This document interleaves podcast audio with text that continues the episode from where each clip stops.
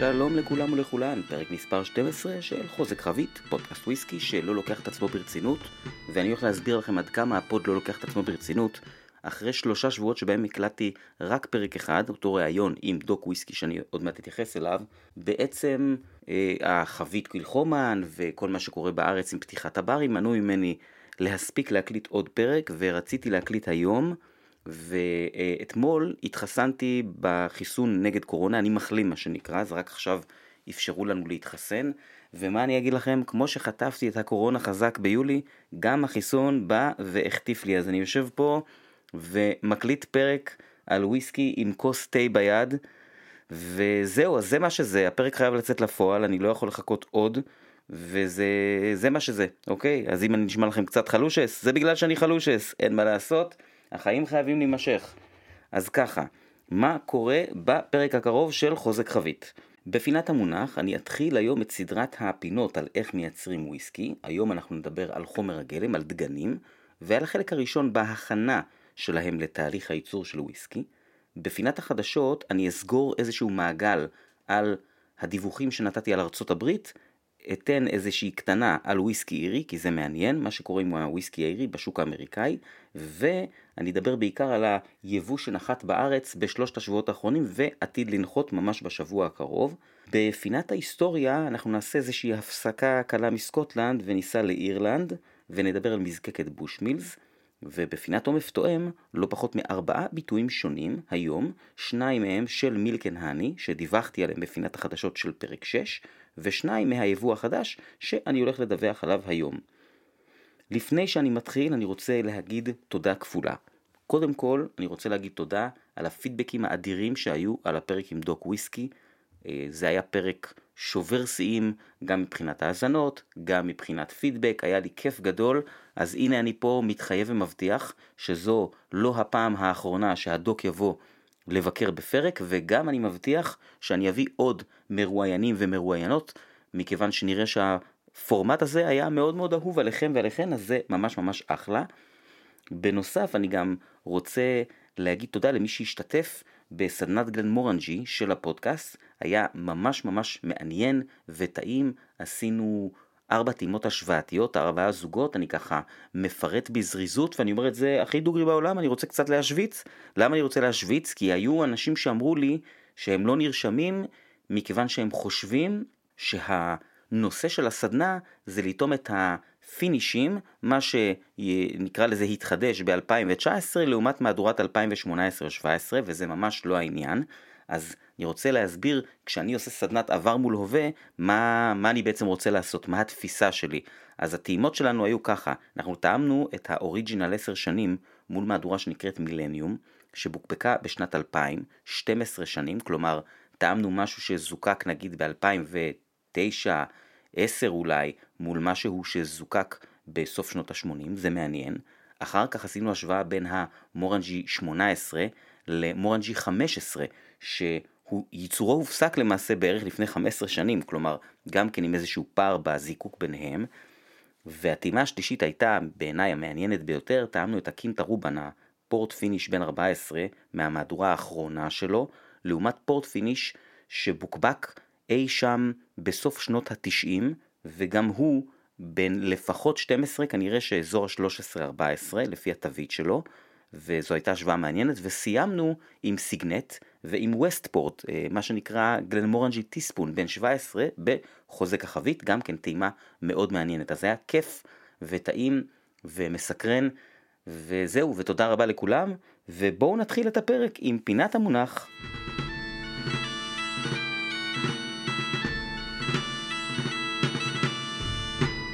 היום בפינת המונח, כפי שהבנתם בפתיח, אנחנו נתחיל את סדרת הפינות שתעסוק בייצור וויסקי. אני אהיה יותר טכני מהרגיל שלי, אבל אני רוצה מראש לומר שאני שם לזה גבול, מסיבה פשוטה שאין לזה גבול. תמיד אפשר להסביר עוד איזה מושג או מונח ולהיכנס לעוד איזשהו פרמטר, זה פשוט לא נגמר. בנוסף, אני גם רוצה לתת הרבה תשומת לב לסינגל מלטים סקוטים, אבל בהחלט לא רק. אז בעצם בכל פינה אני אצטרך לעשות לפחות שני סעיפים או וריאציות אם לא יותר מזה. יש מלא מידע ברשת, מי שבאמת רוצה לדעת כל פרט וכל פרמטר בדיוק בדיוק, לכו אחרי הפרק ותקראו, אני אעשה לכם את הפרומו, והיום אנחנו נתחיל עם חומר הגלם והחלק הראשון של הכנתו. כפי שאמרתי, כבר בפרק הראשון של חוזק חבית, ההגדרה של וויסקי היא סך הכל שלוש מילים, תזקיק, דגנים, מיושן. באילו דגנים משתמשים? בגדול אפשר לומר שברובו המכריע של הוויסקי, שמיוצר ברובו המכריע של העולם, היום, משתמשים בגדול בארבעה דגנים, שעורה, חיטה, תירס ושיפון. הרכב הדגנים הוא משמעותי מאוד עבור אופיו של הוויסקי, כל מי שהאזין לפוד לפחות כמה פרקים שמע כל מיני דוגמאות לזה, למשל בפרק האמריקאי, פרק 7, דיברתי על זה ששיפון נותן טעם יותר מתובל. במדינות בהן יש חקיקה בנושא הוויסקי, הרכב הדגנים בכל סוג של וויסקי הוא קבוע בחוק. לדוגמה, סינגל מל סקוטי עשוי רק משעורה, וברבן עשוי מלפחות 51% תירס. עוד מושג שכבר הזכרתי בעבר, ורלוונטי מאוד להזכיר שוב, הוא המונח האמריקאי משביל, הרכב הדגנים, או במילים פשוטות, המתכון. לציין שלסביבה הגיאוגרפית יש הרבה השפעה, בעיקר היסטורית, על הוויסקי שיוצר בכל מקום ומקום. את, את הדוגמה הקלאסית אתם שמעתם גם בפרק 7, והיא שיצרני הוויסקי האמריקאים שהתחילו לייצר בעיקר שיפון, נדדו לכיוון דרום מערב ועברו לייצר מתירס פשוט כי זה מה שגדל באקלים של מה שהן היום המדינות קנטקי, טנסי ואינדיאנה למשל. עוד דוגמה היא שוויסקי סקוטי אינו מיוצר רק משעורה סקוטית, פשוט כי אין מספיק שעורה סקוטית בשביל תעשיית הוויסקי. אז יש יבוא של שעורה מאירופה, למשל מסקנדינביה ומגרמניה.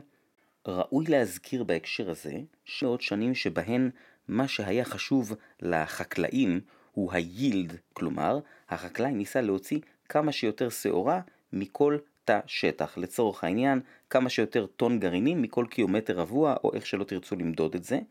והיצרן שמח שהוא משלם פחות על השעורה, היום יש יותר ויותר יצרנים שמדברים על זני שעורה, על המקור של שעורה, כמובן שהראשונים שעולים לראש הם ברוכלדי וווטרפורד שהם בחוד החנית של הנושא הזה, אבל אפשר להזכיר גם מזקקות שעושות ביטויים של וויסקי אורגני, כמו למשל בן רומח ודינסטון.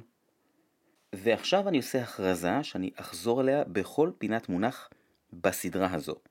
תהליך הייצור של וויסקי הוא קבוע. אי אפשר להפוך את סדר הדברים, כלומר אי אפשר לעשות תסיסה אחרי הזיקוק ולא לפני, ואי אפשר ליישן את מה שעוד לא זיקקתי. מה שכן משתנה הוא שיטות העבודה. דברים כמו המהפכה התעשייתית, כל מיני תופעות היסטוריות נוספות שינו ומשנות מרכיבים בפאזל הזה שנקרא ייצור וויסקי. התייעלות, אה, מידוע מלשון מדע, צמיחת תאגידים ו outsourcing, כל מיני תופעות כאלה כן משנות בתוך תהליך הייצור שלבים מסוימים. אז אני במהלך הפרקים האלה, הפינות האלה, אני אספר מה היו עושים פעם, מה עושים היום, ואני מזהיר מראש שיכול להיות שאני קצת אהרוס את הרומנטיקה, אבל זה תהליך קבוע שקורה לכל מי שלומד באמת איך מייצרים וויסקי, אני בטח לא הראשון שעושה את זה, ואיך נהוג לומר, גם לי פעם שברו את הלב, ועדיין שוברים מדי פעם, אז זה מה שזה. דרך אגב, אם אתם שומעים יללות ברקע, הרי זו החתולה שלי ג'ין שמאוד רוצה להיכנס לחדר ההקלטות. אז אני אה, רגע אפתח לה, תסלחו לי. עכשיו, אחרי שאנחנו יודעים קצת על הדגנים עצמם, אנחנו צריכים לדבר על תהליך ההכנה שלהם לקראת ההתסיסה. תהליך שפעם כל מזקקה הייתה עושה לבדה, היום הוא לרוב נעשה במפעלים גדולים שנקראים מלטטות, והמזקקות קונות, למשל במקרה של שעורה, שעורה שכבר עברה את התהליך הזה. אני ארחיב על המפעלים הללו בפרק הבא ו/או בזה שאחריו, וכמובן שהנושא של תסיסה יקבל פינה שלמה משלו, בטח עוד שני פרקים, אולי אפילו שלושה, כי יש לנו דרך לא קצרה לעבור עד התסיסה. אבל בכל זאת אני צריך לעשות לכם עכשיו קצת סדר בראש. אז בקצרה, תסיסה היא התהליך שבו נוצר אלכוהול. בלי תסיסה אין לנו אלכוהול. והמשוואה של התהליך הזה היא די פשוטה. שמרים פלוס סוכר שווה אלכוהול פלוס CO2. עכשיו, שמרים הם כמו ילדים, צריך לחתוך להם את השניצל לריבועים או לרצועות. הסוכר בדגנים הוא סוכר מורכב, עמילן. בהשאלה, הסוכר בדגנים הוא שניצל גדול, צריך לפרק אותו או לחתוך אותו עבור השמרים. תהליך הפירוק הזה כולל מספר שלבים, היום אני, כמו שאמרתי, מתחיל, אני מסביר רק את החלק הראשון בדגן אחד, שהוא הדגן האציל ביותר, והוא שעורה. בניגוד לשאר הדגנים, שעורה מכילה בתוכה אנזים, או יותר נכון משפחה של אנזימים, שנקראת אמילז. מה זה אמילז? אמילז הוא חותך שניצלים מקצועי, הוא מפרק את האמילן, שאותו השמרים לא יכולים לאכול, חותך אותו לרצועות שניצל שנקראות חד סוכר. המילז הזה הוא בגדול ישן וצריך להעיר אותו. השלב הראשון בתהליך הזה של להעיר אותו, אם תרצו אנחנו שולחים לו אס.אם.אס, את האס.אם.אס הידוע הזה שיכול להוביל לצרות עם המילה האחת, ער או ערה, התהליך הזה נקרא steeping, השריה. השעורה בעצם מושרת במים בטמפרטורה של בואו נגיד בין 12 לכזה 16-17 מעלות, היא מושרת מספר שעות, לפעמים יותר מ-10 שעות, מרוקנים את המים, מייבשים את השעורה שוב פעם מספר שעות וחוזר חלילה. למעשה, אם תרצו, התהליך הזה מדמה בימים ספורים עונה גשומה ואת הפסקתה. במקור, בכל מזקקה, היה מין אמבט גדול כזה, שבו היו עושים את תהליך ה steeping, שהיה לוקח שלושה, לפעמים אפילו ארבעה ימים. היום המפעלים האלה שדיברתי עליהם, המלטטות, עושים את תהליך ה steeping בצורה יותר מדויקת, עם יותר טכנולוגיה, ולכן לרוב הוא אורך רק יומיים. מה קורה אחרי ה steeping, על זה אנחנו נדבר בפרק הבא, ולמי שמעניין אותו או אותה לראות איך זה נראה, אז כנסו לגוגל ופשוט תכתבו steeping barley at Balvenie. יש ב Balvenie עדיין malting floor, אין הרבה מזקקות שיש, אני כמובן אה, בפינה המתאימה אציין איפה יש, ואתם יכולים לראות איך נראית האמבטיה הענקית הזאת. אז זהו, זו הייתה פינת המונח שמתחילה את פינות איך עושים וויסקי כולן, ואנחנו נעבור לחדשות.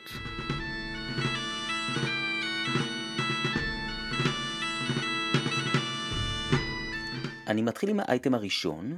בפרקים הקודמים דיברתי על מה קרה לתעשיית הוויסקי הסקוטית ב-2020, גם בגלל הקורונה וגם בגלל המיסוי שעלה בארצות הברית כחלק ממלחמת הסחר של דונלד טראמפ באיחוד האירופי, ואמרתי שאני מקווה שהממשל החדש יגיע לאיזשהו הסכם עם ה-EU ויעזור לתעשייה להתאושש. ואכן, ברביעי למרץ יצאה הודעה שהמיסוי הולך לרדת לכמה חודשים, נדמה לי ארבעה, והנושא הולך להיבחן מחדש. אז אני חוזר על הדברים שלי ומביע שוב את התקווה שיחד עם שינוי גדלי הבקבוק המותרים בשוק האמריקאי וההורדה של המיסוי, השוק האמריקאי יהיה הקטר שיעזור לתעשיית הוויסקי הסקוטי להרים את הראש, והיא תוכל לעבור להתמודד עם האתגר הבא שלה, והוא ההשפעה של הברקזיט על ייצוא לאירופה. אנחנו כמובן נתעדכן ונראה. אני עובר לאייטם השני, בהמשך למה שקורה עם הוויסקי הסקוטי בארצות הברית, אז התפרסמו נתונים, ואני רוצה לומר, אני רוצה לעדכן אתכם מה קורה עם הוויסקי האירי בארצות הברית. ומכיוון שהוויסקי האירי חווה פריחה אדירה, כפי ששמעתם בכמה פרקים, למשל בפינת ההיסטוריה על Teeling, אז תראו איזה נתונים מגיעים מארצות הברית. שימו לב, הייצוא לארצות הברית במהלך שנת 2020 הניב לתעשיית הוויסקי האירי 1.1 מיליארד דולר. עוד נתון מעניין, שהוא מנתון קרוס כזה, זאת אומרת תנועה בכיוון השני, במהלך שנת 2020 נרכשו על ידי מזקקות עיריות 270 אלף חביות משומשות רק מקנטקי וטנסי. הוויסקי האירי צועד קדימה כבר שני עשורים, ואני אתן לכם שני נתונים שמשווים מכירות של וויסקי אירי בארצות הברית ב-2002 לעומת ב-2020. בקטגוריית האירים הפשוטים, מה שנקרא, צמיחה של 1,007 אחוזים. בקטגוריית הסופר פרימיום צמיחה של 8,728 אחוזים. זה נשמע אה, קצת מופרך ולכן אני גם רוצה לתת פה אה, אה, הערה או צמד הערות שזה רק שלי, זה רק מחשבה שלי, זה לא מבוסס על שום דבר. אני אומר שלמיטב ידיעתי היה מעט מאוד וויסקי אירי סופר פרימיום בשנת 2002 ודבר נוסף שאנחנו צריכים לקחת בחשבון, המחירים של הוויסקי האירי סופר פרימיום הזה היום הם מאוד מאוד גבוהים. אז זה יפה מאוד שהרבה מאוד אנשים מוכנים לשלם הרבה מאוד כסף על וויסקי אירי חדש בן שלוש, אבל צריך לזכור את זה כשמתרשמים מצמיחה באחוזים. ועכשיו אני עובר לספר על יבוא חדש בארץ, יש לנו שני אייטמים של דברים שקרו בשלושה שבועות, חודש האחרונים ככה פחות או יותר. אני מתחיל עם אלפאבית וויסקי שהזכרתי בעבר כיבואן של מבקבק עצמאי בשם Dram Mor, והוא הנחית בארץ עוד שני מבקבקים עצמאיים שנקראים Chapter 7 ו Claxton's. על שניים מהם, שתי, שני בקבוקים שנחתו, אני אספר בהרחבה בפינת עומף תואם. בקצרה אני אספר שמ Chapter 7 הגיעו Caol Ila בן 9, Auchentoshan בן 22, Williamson, שזה בעצם Laphroaig teaspoon בן 9, ו Mannochmore בן 11, שטעמתי ואהבתי. הרגיש לי כמו מין אה, אגס ג'וסי כזה, ו- ומאוד מאוד עשיר. דרך אגב, השם שלי בכלא היה אגס ג'וסי. ובגזרת המבקבק Claxton's תמצאו גם כן Caol Ila בן 9, Linkwood בן 11 בשרי, גלן ספיי בן 14 במדרה שאהבתי למרות שאני לא כל כך אוהב חביות מדרה לרוב, וגלן אלגין בן 14 שמאוד אהבתי, היה מאוד מבוסם ומעניין, לא כל כך Speyside אה, אה, ודי הפתיע אותי, אז זה בגזרת אלפאבית וויסקי, אני עובר לאייטם הבא כולנו שמענו בפרק הקודם מהדוק בעצמו על היבוא החדש מ Hunter Laing שהולך להגיע לארץ, אז הנה הגיע ובימים הקרובים גם יעלה לאתר של דוק וויסקי. אז מה בעצם הגיע? עכשיו אפשר לספר הכל כי הכל כבר בחוץ. אה, מסדרת אולדן רר של הנטר לנג יש בלמנח בן 30 שנים בחבית ברבן וטומט בחבית שרי שאני מודה שאפילו ציניקן צבע שכמוני התגרה עד מאוד מהצבע שלו.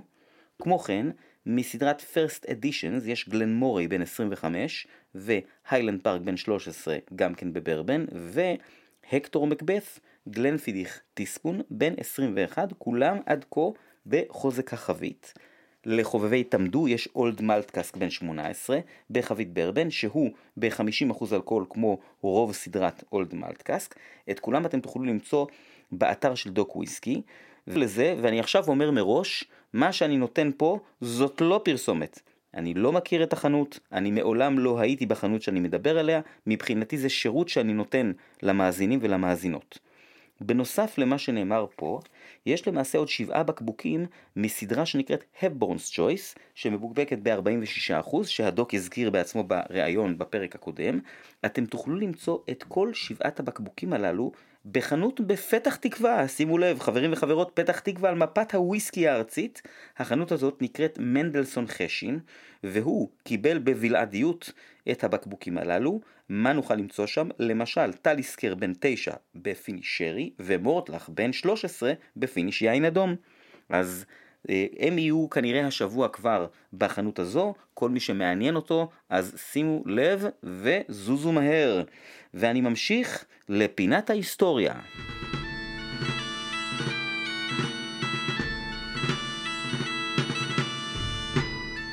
היום בפינת ההיסטוריה אני לוקח אותנו לצפון אירלנד, לשפחו של נהר שנקרא בוש, שזורם בכיוון צפון בצפון אירלנד, הוא נשפך לאוקיינוס האטלנטי. לא הרבה לפני החוף, לפני השפך, הוקמו לאורך השנים כל מיני תחנות קמח וכל מיני בתי מלאכה, שבגדול נקראים באנגלית מילס. לפעמים חושבים שעת קמח, אז זה לא בדיוק נכון. אוקיי, אם תקראו למשל את ההיסטוריה של דינסטון, אז אה, דינסטון הוקמה במבנה שהיה בו מיל, ובמקרה של דינסטון זה בכלל בית אריגה. אם אני זוכר נכון. אז בכל אופן, היו שם הרבה מאוד מילס כאלה, והסיבה שהם בעצם רתמו את הכוח של הנהר עם גלגלי מים, והשתמשו באנרגיה שלו. מסביב למילס האלה קמו לאט לאט אה, קהילות קטנות, זה הפך להיות כפר, ובסופו של דבר היישוב הזה פשוט נקרא בוש מילס. ב-1608 אחד מבעלי השטח באזור קיבל רישיון לזקק וויסקי, ובעצם מזקקת בושמילס מתגאה בהיותה בעלת רישיון זיקוק הוויסקי העתיק ביותר, אבל למעשה מזקקת בושמילס האמיתית, מה שאנחנו מכירים, נבנתה רק ב-1784, כמובן שהם לא היחידים בתעשיית הוויסקי שאוהבים אה, להתהדר במשהו שקרה לפני שהם היו שם, זה בסדר, אוקיי, אנחנו בעולם של שיווק, זה המצב. היא עברה מספר בעלויות מרגע שהיא אה, הוקמה, היא לא עבדה בצורה רציפה, במחצית הראשונה של המאה ה-19 יש לה כמה שנים שהיא פשוט לא הייתה פעילה, והמזל שלה השתנה כביכול כששני סוחרי אלכוהול אירים מבלפאסט רכשו אותה ב-1860, קוראים להם פטריק קוריגן וג'יימס מקולגן, אני חושב שמעולם לא שמעתי על שני שמות אירים יותר אופייניים, אבל uh, המזל שלה לא באמת השתנה. ב-1885 היא נשרפה לחלוטין, שני החבר'ה האלה הצליחו להקים אותה די מהר. וב-1890 הם גם קנו אוניית קיטור שקראו לה ה-SS בושמילס ששימשה את המזקקה לשינוע של הוויסקי שלה לארצות הברית שהייתה שוק חשוב מאוד עבור הוויסקי האירי כבר אז, אה, מתחבר לנו לפינת החדשות, ומספרים שהאונייה הזו הגיעה עד המזרח הרחוק, כולל סינגפור ויוקוהמה, ודרך אגב, יש על שמה סדרה של ביקבוקים של בושמילס שנקראים Steamship. תקופת היובש פגעה אנושות בתעשיית הוויסקי האירי, זה משפט שאני לא אומר לא בפעם הראשונה ולא בפעם השנייה בפודקאסט. מזקקות רבות נסגרו, בושמילס הצליחו להמשיך לעבוד, הם ייצרו וויסקי ועישנו ובעצם צברו מלאי. למעשה כשתקופת היובש הסתיימה, בושמילס הייתה מוכנה עם מלאי מאוד גדול של וויסקי שכבר היה בגיל מספק, ומספרים שהם הוציאו לארצות הברית את המשלוח הגדול ביותר עד אז כמובן של וויסקי שיצא מנמל אירי. אני קופץ קצת קדימה ל-1972, בגדול מי שזוכר המאה ה-20 הייתה מאה מאוד לא טובה לוויסקי האירי, נשארו מעט מאוד מזקקות, ובעצם האיגוד הזה של המזקקות האיריות שקראו לו Irish Distillers רכש ב-1972 את בושמילס ונרכש כולו בתורו ב-1988 על ידי פרנו ריקארד שהיום הוא תאגיד האלכוהול השני בגודלו בעולם אבל הם לא נשארו בפרנו ריקארד. ב-2005 בושמילס נפרדה מפרנו ריקארד וגם מהאיגוד הזה שנקרא Irish Distillers, זה בעצם נמכרה לתאגיד דיאג'ו ב-200 מיליון פאונד ואני יכול לומר כמי שהיה ברמן בתקופה הזו, שהיו המון שמועות על למה הדבר הזה קרה. האם זה קשור להגבלים עסקיים למשל? אה, האם זה קשור לזה שבושמילס התחילה לייצר Irish cream שהיה יכול להתחרות בבייליז, שהוא פרה חולבת תרתי משמע של דיאג'ו? אני כמובן לא יודע, אבל שמעתי כבר כמה אנשים שטענו שהם יודעים בוודאות וסיפרו לי כל מיני סיפורים. בכל אופן, גם דיאג'ו לא היה התחנה האחרונה שלה, ב-2014 תאגיד דיאג'ו היה בעלים של 50% ממזקקת הטקילה דון חוליו והם רצו את החצי השני. מה הבעיה? החצי השני היה שייך ליצרן טקילה גדול בשם חוזה קוורבו שכנראה רובכם מכירים. כחלק מעסקת הרכישה של ה-50% הנותרים, חוזה קוורבו קיבלו את בושמילס שעד היום נמצאת בבעלותם. בגדול בושמילס טוענים שהמים שלהם, שהם שואבים מנהר הבוש, הם מים מאוד מאוד רכים ועדינים ונהדרים לייצור וויסקי בגלל שקרקעית הנהר עשויה מאבן בזלת, הם אומרים שהאינטראקציה של המים עם הבזלת בעצם עושה להם את העידון או הריכוך הזה. הם מזקקים את המלט שלהם שלוש פעמים, אירי קלאסי, ומייצרים גם סינגל מלטים וגם בלנדים שונים. בארץ אפשר למצוא את הבושמילס הקלאסי שמכונה ווייט בוש עם התווית הלבנה שהוא בלנד צעיר ופשוט ובעיניי לא רע. הבלק בוש שהוא בלנד שהוא עתיר מלט וגם מתיישן בחביות שרי רק או בעיקר תלוי את מי שואלים ואני מודה שלי שמורה פינה חמה בלב לבלק בוש זה אחד הוויסקים הראשונים שטעמתי ושתיתי וקניתי והכניסו אותי לעולם הוויסקי לפני 20 שנה. יש להם גם סינגל מלטי בני 10, 16 ו-21, מיושנים בכל מיני חביות. כמובן שבחו"ל תוכלו למצוא גם מהדורות נוספות, כמו למשל הרד בוש ופינישים שונים. אז זו הייתה פינת ההיסטוריה הקצרה על מזקקת בוש מילס, ואנחנו נעבור לפינת עומף תואם.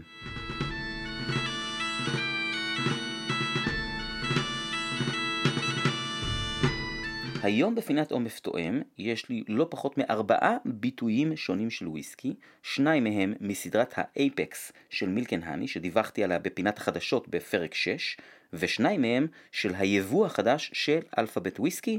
בואו נתחיל. תעודת זהות Milk & Honey Apex batch 1 single malt בן שלוש שנים, תוצר של vatting של חמש חביות אקס שרדונה מיקב קסטל, שהוא נחשב לאחד היקבים הטובים בארץ.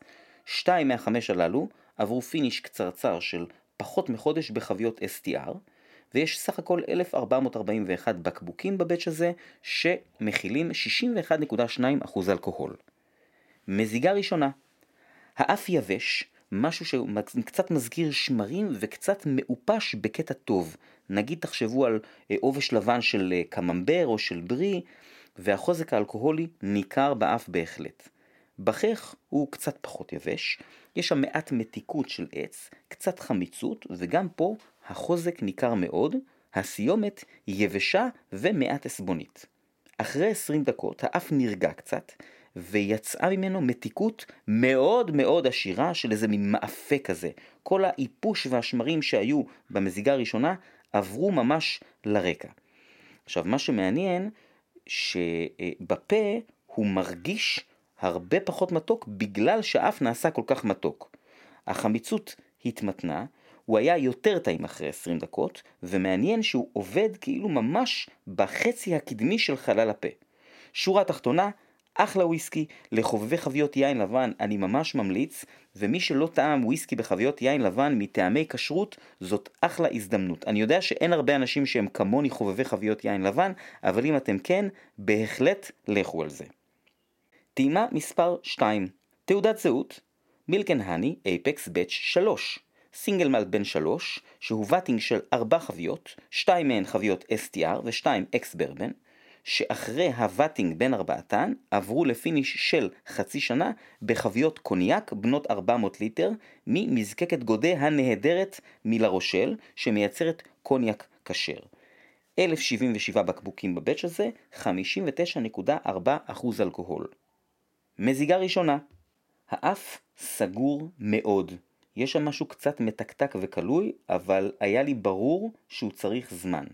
למרות זאת, בטעימה הראשונה מיד ידעתי שאני אוהב אותו. הוא היה מתקתק, עץ כלוי, מאוד מאוזן, החוזק שלו לא הורגש, ואני מתכוון לזה בקטע טוב, וסיומת כיפית לאללה, יבשה, מתובלת, עם ממש נגיעה קטנה של תנינים. אחרי 20 דקות, האף מעט התעדן, אבל נשאר מאוד כיפי ומתקתק בכל מיני דרכים, אני למשל הרחתי שם קצת שוקולד, והוא הרגיש לי יותר בוגר, גם מעצמו וגם מביטויים אחרים של מילקן האני שטעמתי באותו הגיל. בפה הוא נעשה מעט קליל יותר, אבל בגדול הוא נשאר מאוד דומה, כולל הסיומת הכיפית הזאת. שורה תחתונה, נהדר. אה, אני מאוד מופתע שמהשניים הללו אני אהבתי אותו יותר, כי אני מאוד אוהב חביות יין לבן, והוא הצליח להתעלות על האפקס 1, וזה היה פשוט כיף לאללה. אה, זה, אותי זה מפתיע פשוט בגלל פרופיל השתיין שלי, ואני ממליץ עליו פשוט אחלה בקבוק שבעולם, ואני חושב שבפינת החדשות שדיווחתי על שני הבקבוקים האלה, אני אמרתי שאני חוזה שאני אוהב יותר את השרדונה ואת הקוניאק, וכפולני, חצי פולני, כן? אבל אה, אין דבר שאני יותר אוהב מלהיות צודק לגבי וויסקי, זה בעצם שני הדברים שאני הכי אוהב בעולם. אוקיי, אני ממשיך הלאה לטעימה מספר 3. תעודת זהות Ledaig בן 10 של המבקבק Chapter 7, single cask, חבית ex bourbon, הוא בוקבק ב-51% שהוא לא חוזק חבית, אלא מה שהמבקבק מכנה ideal strength, כלומר חוזק אידיאלי, אנחנו מכירים את זה כבר מכל מיני מבקבקים, גם ממזקקות אחרות, 351 בקבוקים, ואני חייב להתייחס לצבע שלו שהוא היה ממש כמו יין לבן שלא ראה חבית, ואני אישית אוהב את זה.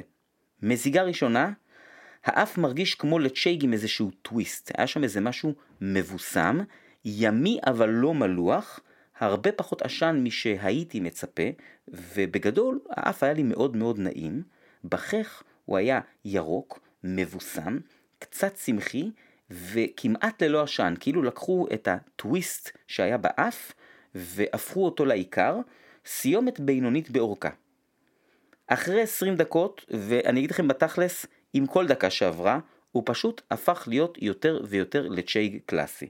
אוקיי? אני לא יודע אם יצא לכם, אני בגלל שאני לא רואה טוב בעין אחת, אני קורא לי הרבה מאוד, בעיקר בברים, שאני לא מזהה מישהו מרחוק, ופתאום אני קולט שזה איזה חבר מוכר או לקוח קבוע, ופתאום אני מזהה אותו. אז בגדול, זה מה שקרה לי עם הלצ'ייג הזה. אוקיי, אחרי חצי שעה אמרתי לכוס, מה אתה משחק אותה? אתה לצ'ייג.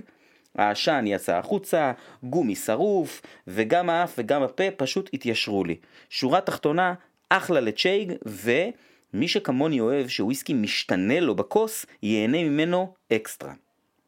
אני עובר לטעימה הרביעית. תעודת זהות, לוכינדל, בן 12, אני מזכיר שלוכינדל הוא הליין היותר מעושן של ברוכלדי, זאת אומרת שנמצא מעל הפורט שרלוט, 50 ppm, סינגל קאסק, חבית סוטרן מיקב שאטו קלמנס, שלא, הוויסקי לא בילה בה כל אורך העישון, אבל בהחלט מספיק זמן כדי שיהיה מותר לכתוב עליו ולהרגיש את זה בטעם, אתם תכף תשמעו, וגם הצבע שלו היה מאוד מאוד סוטרני.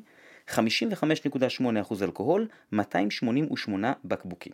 מזיגה ראשונה, העשן מאוד ברקע והחבית מאוד בפרונט, מאוד מתוק, פירות בשלים. אה, אני לא הצלחתי לשים את האצבע על, על איזה פירות אלה, יעל אמרה שהיא מרגישה תות שדה, אני הרגשתי יותר משהו כמו מין אפרסק בשל כזה, ובנוסף, היו ברקע מין כל מיני עשבי טיבול שרופים כאלה, תחשבו טימין רוזמרין סטייל כזה, בפה מאוד סמיך, גוף מאוד מאוד מלא, מתוק בטירוף, ושלוש שניות אחרי הלגימה הוא נדלק. פתאום מגיע העשן, התווספה חמיצות, ואפטר טייסט יבש שאיזן את המתיקות החזקה, ובו שוב פעם מופיע השילוב הטימין רוזמרין הזה, העסבוני הזה. אחרי 20 דקות בכוס, גם באף וגם בפה המתיקות מאוד נרגעה, העשן יצא החוצה, הוויסקי קיבל אופי יותר עסבוני, קצת אדמתי, והאפטר טייסט נעשה מאוד מאוד ארוך, ברמה של גם שתי דקות אחרי, הגשתי אותו על החלק הפנימי של השפתיים. שורה תחתונה, טעים מאוד. חבית סוטרן יוצאת דופן בעיניי עם המתיקות החזקה הזאת, לרוב בחבית סוטרן יש שילוב של מתוק חמוץ, פה היא הייתה הרבה יותר מתוקה, בטח בהתחלה, ואותי מאוד מעניין לראות אותו מתפתח בבקבוק לאורך הזמן, וגם פה כמו בעל שייג, יש את הבונוס הזה למי שאוהב וויסקי שמשתנה לו בכוס. אז זהו, זה היה הפרק ה-12 של חוזק חבית. אני מקווה שנהניתם, אני הולך לקחת עוד כדור. ביי!